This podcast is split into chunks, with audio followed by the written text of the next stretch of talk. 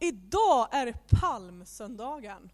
Den dagen, eh, den söndagen som leder in oss i, i påskens firande och så kallade stilla veckan.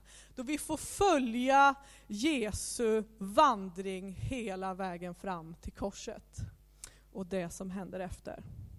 Och palmsöndagen innehåller eh, fantastiska profetior som uppfylls av Jesus den här dagen.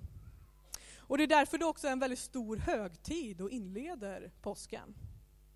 Och ni fick höra om eh, Sakarja, ord från honom, att Sion ska jubla, att dotter Sion ska jubla, som ofta står för Jerusalem eller Guds utvalda folk.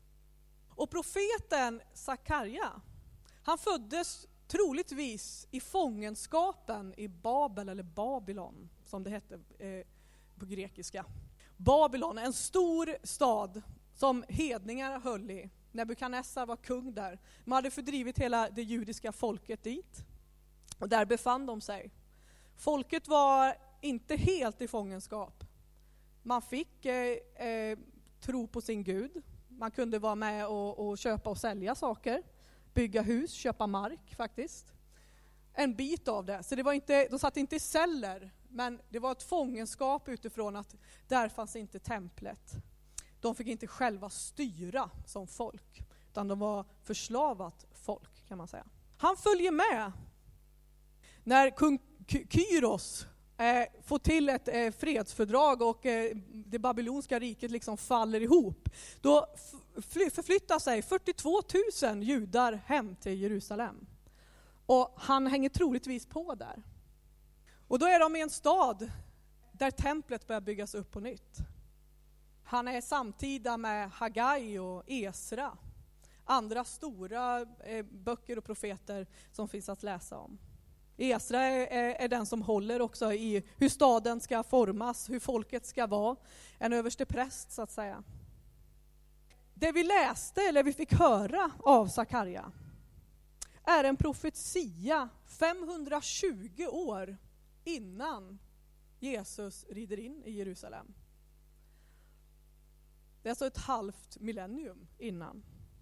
Då någon ställer sig, säkert vid templet, och ropar Gläd dig och jubla dotter Sion. Se, jag kommer och tar min boning hos dig. Många folk ska den dagen sluta sig till Herren och bli mitt folk. Jag tar min boning hos dig. Då ska du inse att Herren Sebaot har sänt mig till dig. Och han talar inte om sig själv, utan en, han talar om någonting som skall komma. Han talar om Gud själv. Och den här profetian är tvådelad, för att det hände ju. Gud tog sin boning bland dem på den tiden då de kunde återställa eller bygga upp sitt tempel på nytt. För det var där Gud bodde. Nu kunde de börja offra igen. Nu kunde de börja leva nära Gud i hans tempel. Och de såg en ljus framtid. Men folket hade levt så länge i fångenskap och kanske blivit liten del av den tidigare staden de varit i. Så allt var inte frid och fröjd, utan det fanns fortfarande mycket som behövde rättas till, mycket som behöver, så människan får känna av sin frihet. Folket omkring, som det står om här, många ska sluta sig till vår Gud, hände också. Många eh, persier och andra folkslag som inte var judar slöt sig till deras Gud. För de fick respekt och såg att Gud hade gjort något stort med det här folket. Att de fick tillbaka till sin stad, att den rustades upp och så vidare. Så många redan då slöt sig till Gud som bodde i detta templet. Men templet var inte lika stort som det förra.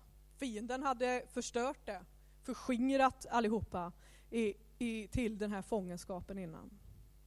Men så säger profeten att Herren skall ta Juda i besittning som sin del av den heliga marken. Än en gång utväljer han Jerusalem. Och han säger det när det redan finns ett tempel. när de flesta har börjat vandra tillbaka och är på plats. Att än en gång ska Gud komma och tillbaka till staden. Och Jerusalem, eller Salem som det hette innan, betyder fred, eller frid. Salem betyder fred. Så man hade en ganska hög påväntan att där Gud regerar, där Gud är och tar sin boning, där ska fred råda bland folken. Där ska Gud få bo och skipa rätt. Där ska eh, alla må bra, alla ska få, få, få vara med på något sätt och få offra inför Herren och vara i hans närhet. Man byggde upp staden. Men det som är så fantastiskt med det profetiska, det är ju att när profeten säger en sak i en tid, så finns det en till syn som varar längre fram. Så 520 år efter så rider Jesus in i staden. jag ska be Torvald här om vi kan få upp en bild. Det är en fantastisk bild. Ja, titta! Han är jätteglad är han med. Men det här är en bild av eh, Jesus intåg. Och nu ställs man ju för många frågor. Varför en åsna?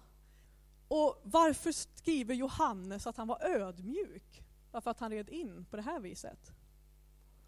Och jag tänkte att vi kunde titta på det lite grann. Åsnan är ju ett lastdjur, ett riddjur, fast väldigt lågt. Och den ska mest transportera. Hästen är ett krigsdjur som man sitter lite högre på. Om ni tittar på bilden så hamnar Jesus, konungen som kommer inridande, i samma höjd som andra människor runt omkring. Det är också en bild av ödmjukhet. Att den som egentligen är förmer än alla andra, som ska ha all ära, möter människan och kommer till människan i samma höjd. Gud kliver alltså ner från sin härlighetstron ner till människor och blir som en av oss. Paulus är helt tagen av detta. Hur kan det vara så att Gud själv väljer att komma till människor i jämnhöjd? Det har aldrig hänt förut. Och här är en sån tydlig bild av det. Att man, man kan stå bredvid och se när Jesus rider in i ögonen, alltså ö, me, mellan ögonhöjd. En Kung som vill proklamera sin makt eller man har vunnit sitter på höga hästar, som man kan säga ibland. Och jag rider, jag vet, jag har tittat ner på många människor. För man sitter ganska högt. Och får, man får stå och titta på folk som sitter på hästar, men här kommer han i ödmjukhet. Och jag hade en vän en gång som försökte förklara ödmjukhet fast på ett helt annat sätt. Så att det blir begripligt. För vad innebär det att vara ödmjuk? Och, hon hade, och jag hade varit i samma stall under en hemsk ledare, eller chef. Eh, vi jobbade där som hästskötare, ganska hårt eh, slavliknande jobb. Vi hade 30-40 hästar som vi bar spannar, eh, som ni säger här, spannar med vatten i eh, och skulle hänga upp. Det väger ganska mycket. Eh, vi fodrade fyra gånger om dagen och mockade, det var väldigt hårt arbete. Och den här chefen var styrd av pengar. Så vi visste, hade hon inte sålt en häst då vill man hålla sig undan. Hon gick alltid och kollade om vi hade jobb, och det hade vi i överflöd. Vårt jobb tog aldrig slut. Och vi jobbar mellan 12 och 17 timmar om dagen.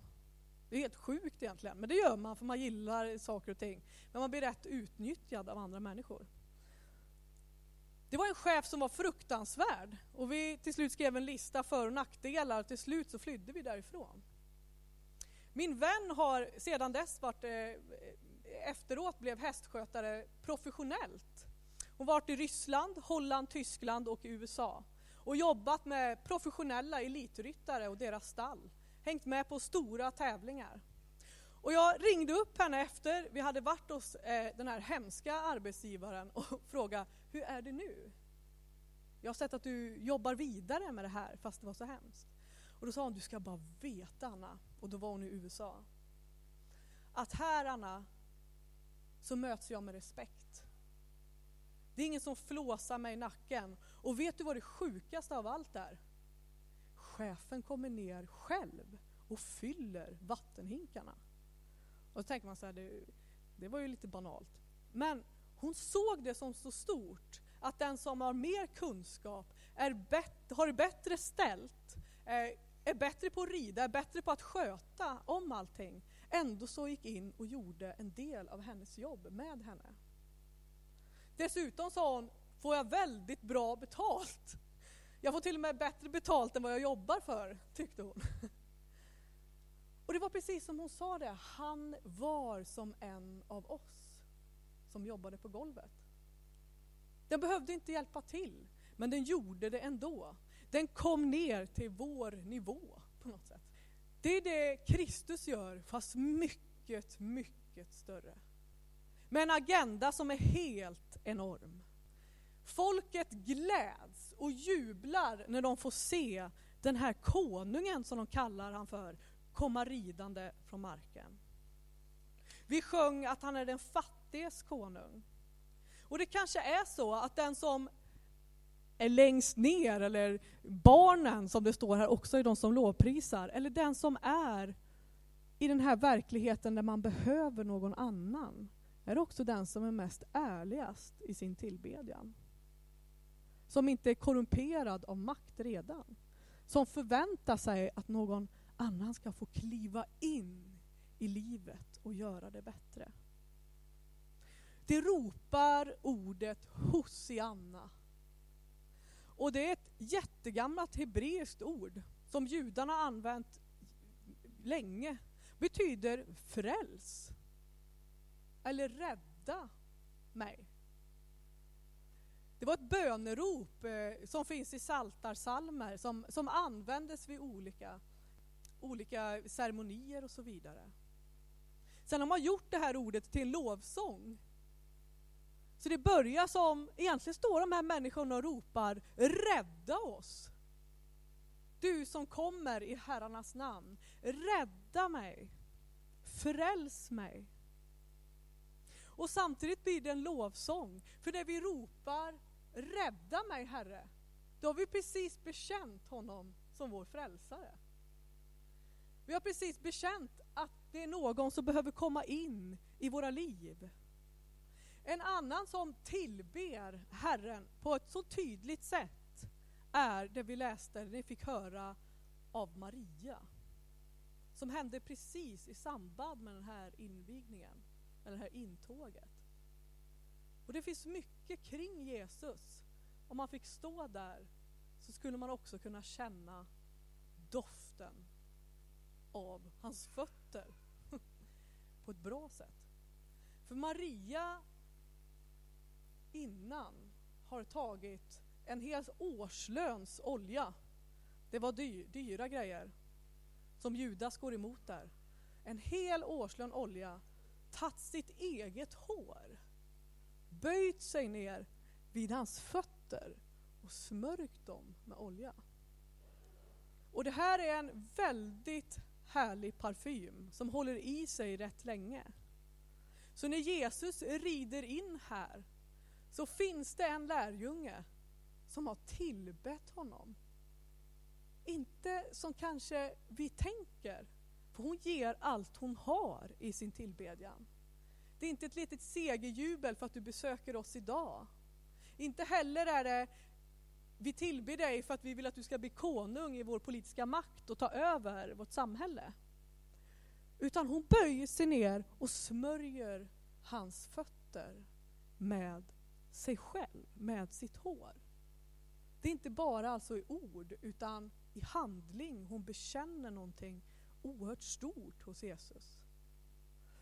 Och här kan man ju ana då när han rider in att det måste dofta om Marias tillbedjan till Herren. Han säger, Jesus säger att hon smorde mig för min begravning. Eller min väg. I i grundtexten står det till och med hon har sparar, eller hon sparar saker till min begravning. Hon sparar någonting. Inte att hon har sparat, utan hon sparar. Det är något som pågår. Det är någonting, en tillbedjan som finns där, som ska vara hela vägen fram till korset och få brista ut i lovprisning efteråt. Hon ger allt till denne Jesus. Och rätt roligt, jag kommer över så här med smörjelse på den tiden. Så smörjer man ju oftast om huvudet va. Det gör man med kungar, profeten och prästen. De blev smorda i huvudet för att visa att här är liksom, det börjar här i tanken va. Och sen eh, eh, ramlar det neråt i skägg och allting. Men att här, härifrån, det kommer ovanifrån, man blir smord ovanifrån. Man smorde hela kroppen eh, om någon var död. Alltså man, man smörjer och tvättar kroppen inför döden, eller när den var död. Och smörjandet av fötter gjorde man när man också ville visa att det var en ny tid, en ny period eller fas i ens liv.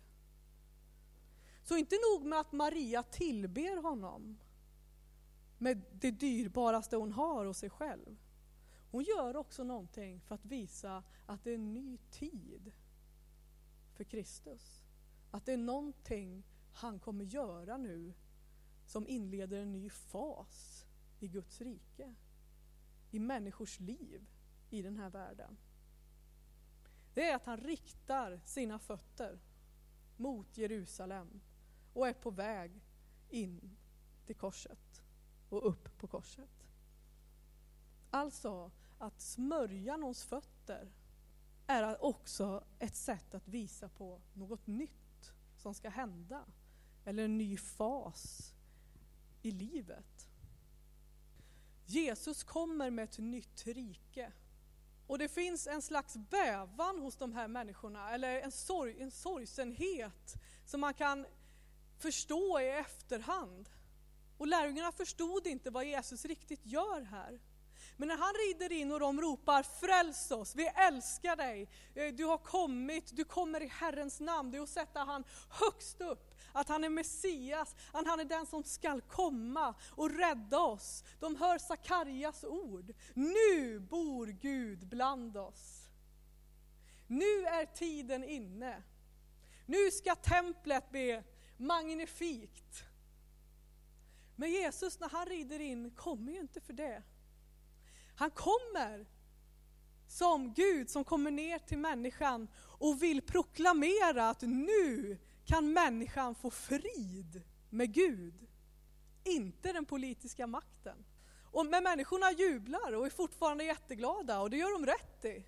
Det är bara det att samtliga de här människorna som den här dagen, på palmsöndagen, lovsjunger Herren, jublar och tillber honom och kastar av sig sina mantlar. Också som ett bevis på att jag klär av mig mitt eget för jag vill ha med dig att göra. Jag vill vara på den nivån du möter mig. Jag tar av mig mitt eget som, som är fint och vackert och bara lägger det ner för dig. De gör det, de tillber Herren. Men det är också de sex dagar senare som ropar korsfäst honom. Det är samma folk. Och det, när man läser det så tänker man, oh, kära någon. Det här går igen hos oss människor. Att ena dagen välsignar vi och nästa dag förbannar vi. Jesus kom för att möta människan på hennes nivå. Människan klarar inte det. Vi vill ha någon som vi kan se upp till. Och visst fick de se upp till honom. De fick precis som de ville. När han sedan går till korset så blir han ju upphängd, upphöjd över dem. Men de ser på honom på ett annat sätt. Men han vet precis vad han gör, Jesus. Han har inte kommit för att gästa sin församling. Han har inte kommit med att checka av hur det ser ut i Jerusalem. Kolla om dottern växer bra. Han vill bo bland oss. Han vill bo och ta sin boning i oss. Och inte nog med det. Han vill breda ut sitt kungadöme, sitt rike. Som är så annorlunda som man kan sätta sig på en åsna för att proklamera att man är kung. Det är så annorlunda så att alla förvånas och blir förvirrade av vad är det han håller på med. Vi förväntade oss det här, men det blev något annat. När Jesus rider in så står det att det är en högtid på gång. Och högtiden folket håller på att förbereda i staden är de stora påskförberedelserna. Och just den här dagen då Jesus rider in så letar man efter påskalammet. Det lamm som det, way back, andra Mosebok pratar om, när det utvalda folket skulle få bli befriat än en gång, som lever i fångenskap och ska bli befriat från egyptiernas förtryck. Och det är de här, alla de här plågorna som kommer mot dem. Och då säger ju Herren till Mose, hitta påskalamm i varje hem. Och ni ska förbereda ett lamm och ni ska stryka det på er dörr, blodet av lammet. För det sista straffet och det stora plågan som Herren ger då, det är ju att folk, att egyptierna och de onda helt enkelt, som går emot Guds vilja, som inte vill ha med han att göra och inte släpper folket, de ska straffas med att man ska ta den första generationen. Herren ska alltså döda allt förstfödd. Det här låter helt sjukt, men så var det. Och han straffar dem för deras synd. Men alla som tog det här påskalammet som ett offer och strök det på dörrposten skulle dödsängeln gå förbi. Och det är det judarna ska fira när Jesus rider in. De förbereder och letar efter påskalammet som ska slaktas i templet. Och det här är också Guds timing kan man väl säga. Det är därför det är så mycket folk där. Han kommer inte när det är folktomt, han kommer när alla samlas för detta stora som har hänt för länge, länge sedan, som ska firas, som visar på att Gud är med oss. Han förgjorde inte oss, han hjälpte oss ut ur Egypten. Och när Jesus börjar sin gärning så står en profet upp igen och säger och pekar på Jesus och säger Se Guds lamm som borttager världens synd.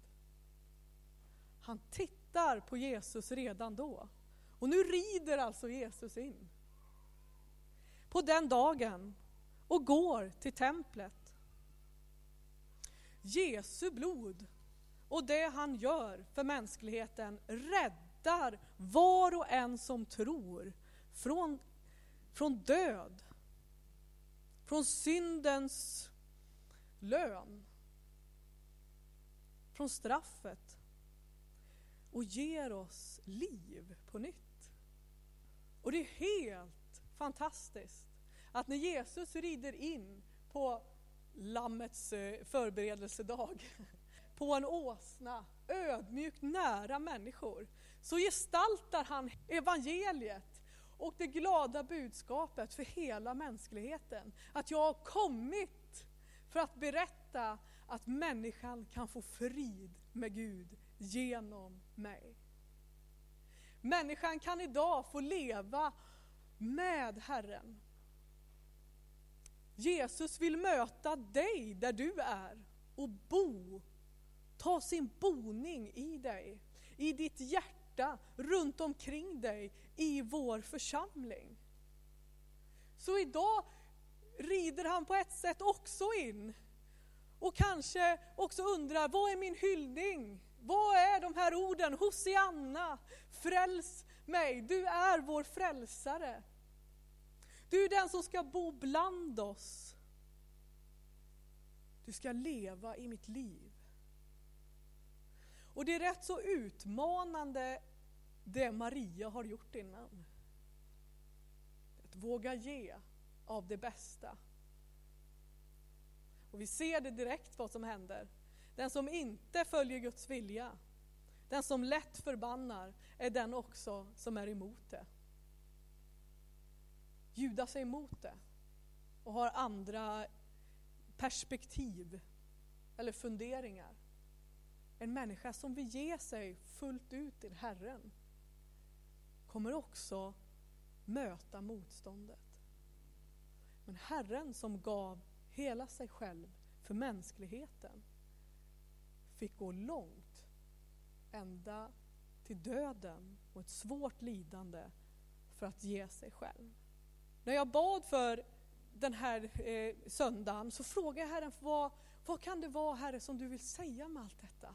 Jag har ju sagt väldigt mycket och mycket av det är liksom wow. Vem är den här mannen? Vem är den här Jesus som, som gör allt det här?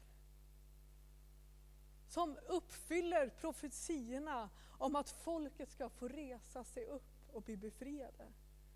Som uppfyller profetiorna om att han är Guds lamm. Det är slut på offer, det är slut på allting. Han, han är den man kan, om man känner att döden kommer emot en, tänkte jag säga, eller vreden, eller när man har syndat ska man bara säga här. Jag säger jag tror på Jesus och man står fri. Det är det han har gjort. Inget kan skada en längre, inget kan komma åt en på det sättet längre. För i Kristus är vi nu fria. Han är det lammet som har strukits över den där pålen för alltid. Så att människan kan få förlåtelse, få känna av hans närhet. Och han är den som vill bo hos dig och mig. Och när jag bad så fick jag bara så här tilltal från Herren. Jag frågade vad, vad ska vi göra av allt detta? Och han sa först, hylla mig, prisa mitt namn. För jag regerar och jag vill bo bland mitt folk. Jag vill vara i din gemenskaps mitt. Och jag vill möta dig där du är. Sen så fick jag till mig att det kan finnas människor, precis som då, precis som nu, här i vår gemenskap, som kanske lider av strider inombords. Eller inom dig eller runt omkring dig av vem ska jag tro på? Vem är min Herre? Jag lider av det här, hur ska han kunna möta mig där jag är? Är jag frisk nog för att få tillbe Herren? Är jag värd tillräckligt för, för att få säga jag älskar dig eller ta emot hans kärlek? Och jag bara upplevde Herren sa, jag väntar på att få höra ditt Hosianna. Inte bara som en hyllning utan som den här bönen. Hosianna, fräls mig, kom till min räddning. Och du kanske är här idag också som ser detta.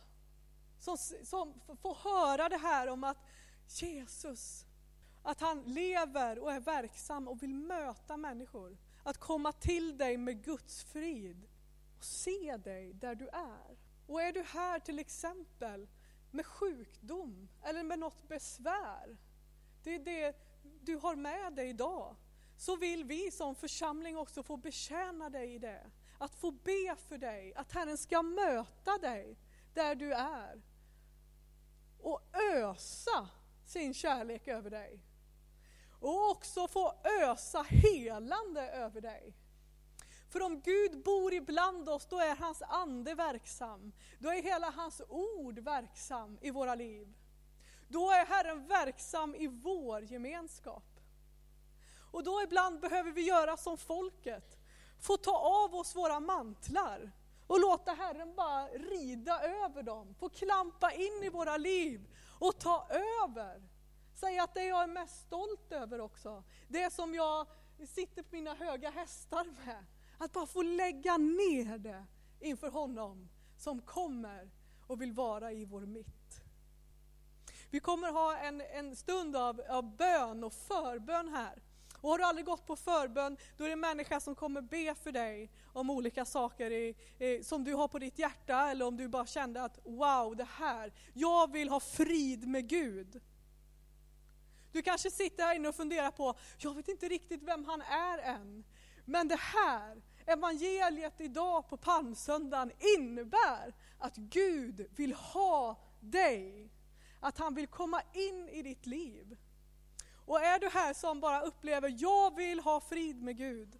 Eller om du har strider inom dig, eller om du söker Söker att han ska möta dig än en gång där du är och känna det här. Jag vill att Jesus ska vara min Herre i mitt liv.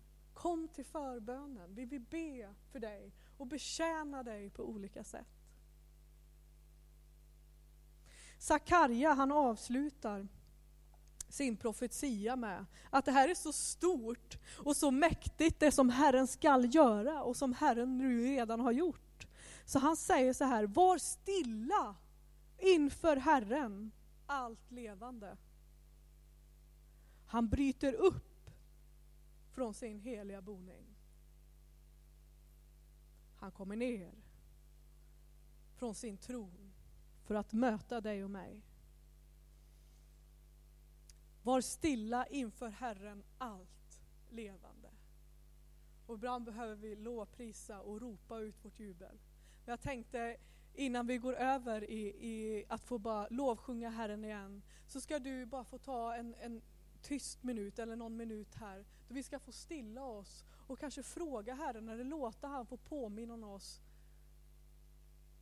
Vad har Herren gjort i våra liv? Vad är det kanske också som jag behöver klä av mig ifrån eller lägga ner inför hans fötter?